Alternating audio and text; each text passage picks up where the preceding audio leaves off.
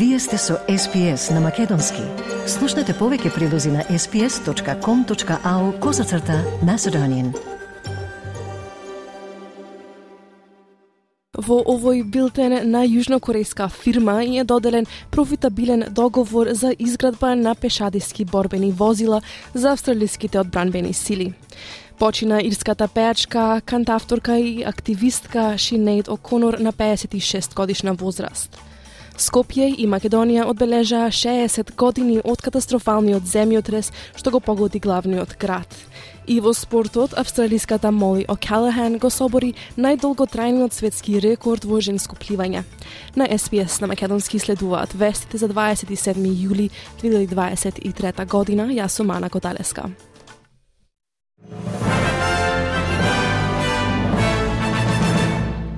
Еден човек бил застрелан во југозападниот дел на Сиднеј по конфронтација со двајца мажи. Тој е петиот човек застрелен во градот оваа недела и се стравува дека војните на бандите на градот ескалираат. Полицајците од Нофижен Велс го пронашле човекот со повеќе прострелни рани во Кентербери околу 2 часот утрово. Му била укажана медицинска помош, но тој починал на местото на настанот. Мажот, кој се верува дека е во 20-тите години, допрва треба да биде официјално идентификуван. Полицијата на Нофижен Велс соопшти дека престрелките се поврзани со мрежи на организиран криминал, кои се расправаат околу незаконска трговија со дрога во Сиднеј.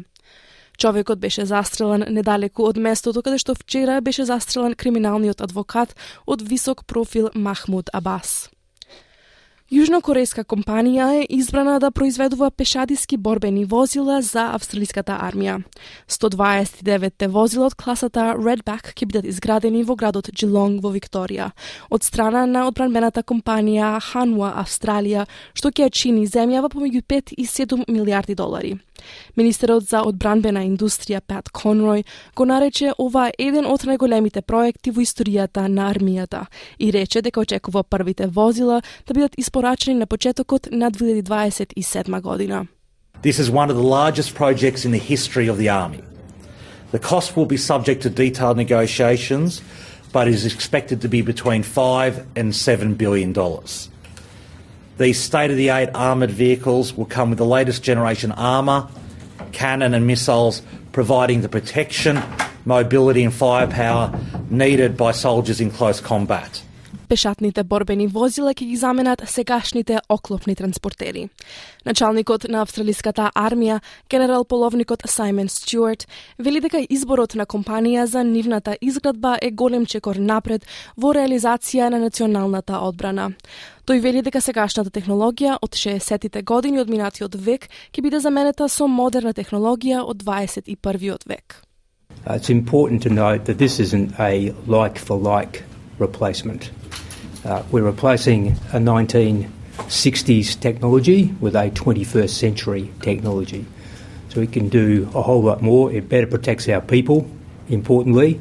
It is more lethal. It is certainly um, far more connected uh, and has a much greater range. Кириите денес растат најбрзо во последните неколку децении, според најновите бројки. Анализата на фирмата за податоци за имоти CoreLogic покажува дека киријата се зголеми во над 90% од пазарите за домување низ Австралија во текот на изминатата година. Најновите бројки за индексот на потрошувачки цени покажуваат значителен пораст од 2,5% на цените за изнајмување во текот на трите месеци до јуни. Економистот на CoreLogic Кейтлин Ези вели дека собствениците го користат недостигот на домови за изнемување за да им наплаќаат повеќе на кирајџиите. Благајникот Джим Чалмерс вели дека владата прави се за да се справи со она што и понатаму е еден од главните двигатели на инфлацијата, вклучително и со зголемување на наплатите на програмата Commonwealth Rent Assistance од септември, како и напори да се зголеми понудата. We're providing help with rent assistance at the same time as we're trying to build more affordable homes. Uh, and an important part of that is getting the Senate to pass our Housing Australia Future Fund at the same time as we're rolling out billions of dollars in support for new affordable housing uh, in this country. Договорот за признавање вина што се очекуваше да му поштеди затворско време на Хантер Бајден, синот на председателот на САД Џо Бајден, неочекувано пропадна, што доведе до тоа 53 годишникот да се изјасни за невин за даночни обвиненија. Изненадувачкиот потек дојде откако судиката во случајот рече дека и треба повеќе време да го разгледа предложениот договор со федералните обвинители. Судиката побара од адвокатите и обвинителите на Хантер Бајден да ја информираат зошто таа треба да го прифати договорот. Ова значи дека правните проблеми на Хантер Бајден ќе продолжат да представуваат предизвик за председателот додека тој води кампања за реизбор за наредната година. Стейт Департментот на САД соопшти дека е цитат сериозно загрижен за случувањата во Најджер.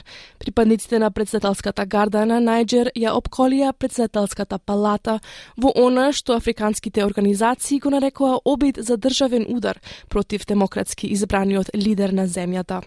Од САД велат дека бунтовничките војници го привеле председателот Мохмед Мазум, Главниот заменик портпарол на Стейт Департментот Ведант Пател вели дека Соединетите Американски држави го подржуваат демократски избраниот председател и внимателно ја следат ситуацијата.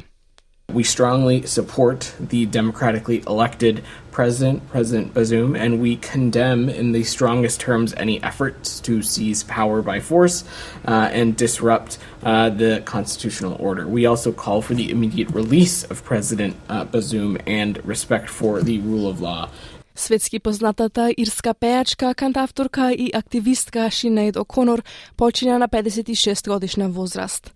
Таа го смени имиджот на жените во музиката во раните 1990 години, со незината музика меѓу кои и песната Nothing Compares to You. Пејачката го прифати исламот во 2018 година и го промени своето име во Шухада Садакат, иако продолжи да настапува под името Шинейд О'Конор. Таа исто така често зборуваше за незината борба со менталната болест. Минатата година незиниот син Шейн се го одзеде животот на 17 годишна возраст. Владата на САД вели дека не знаела дека поранешен американски маринец ослободен од Русија во замена на затвореници отишол во Украина да се бори. Тревор Рид беше ослободен од руски притвор минатата година во замена за руски пилот затворен во САД. Рид бил повреден додека се борел во Украина и е пренесен во Германија на медицинска нега.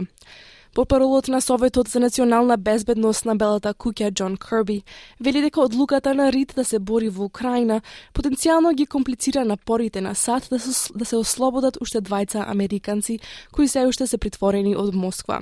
Новинарот од Wall Street Journal Еван Гершковиќ и извршниот директор за корпоративна безбедност Пол Уейленд. Тој потенцира дека господин Рид не бил потикнат од САД да се бори во Украина. Evan and Paul need to come home, and we're going to continue to work at that. But nobody in Moscow should be under any illusion uh, that Mr. Reed was in Ukraine at our urging or encouragement, or that it's that his decision to go there should be connected in any way uh, to what we're trying to do to get those two wrongfully detained Americans home. Вчера во Македонија се одбележа 60 години од катастрофалниот земјотрес кој го разурна главниот град Скопје и во кој животот го загубија 1070 лица. Првата помош пристигна од војската и жителите на тогашните југословенски републики, а подоцна 87 држави придонеса кон напорите за опоравување на Скопје.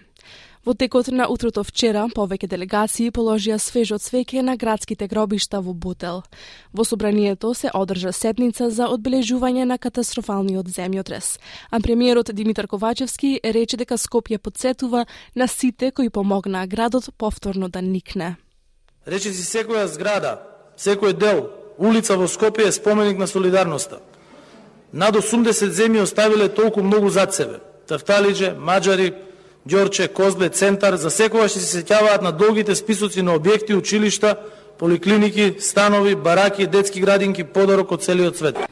И во спортот, австраликата Моли О'Калахан го собори најдолготрајниот светски рекорд во женско пливање.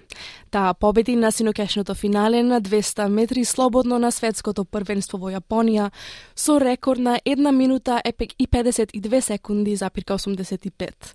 Предходниот рекорд од 1 минута и 52,98 секунди беше поставен од италијанката Федерика Пелегрини во 2009 година. Австраликата Аријана Титмус освои сребрениот медал. Госпогица О'Калехан која се преврваше и покрај повреда на коленото за Канал 9 по незината победа, рече дека е возбудена да види што друго ќе може да постигне во иднина. I didn't know how I was going to race, and like the lead up to this has been so like up and down, like a roller coaster, um, just with injury and then coming off the trials and all that. So just to do that, I just think is just incredible, and I'm excited for what else I can do.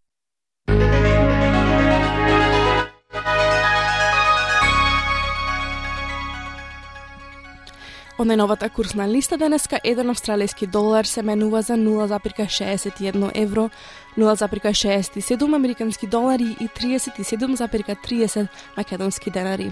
Додека еден американски долар се менува за 55,08 македонски денари и 1 евро за 60,90 македонски денари. И временската прогноза за главните градови за утре, петок, 28 јули.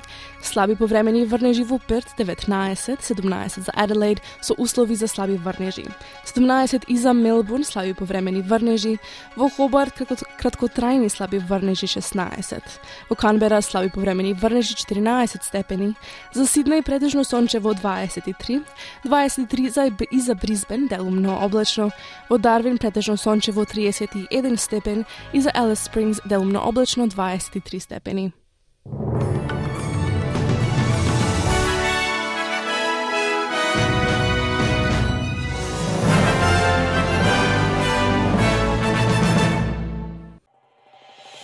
Сакате ли да чуете повеќе прилози како овој? Слушате подкаст преку Apple Podcasts, Google Podcasts, Spotify или од каде и да ги добивате вашите подкасти.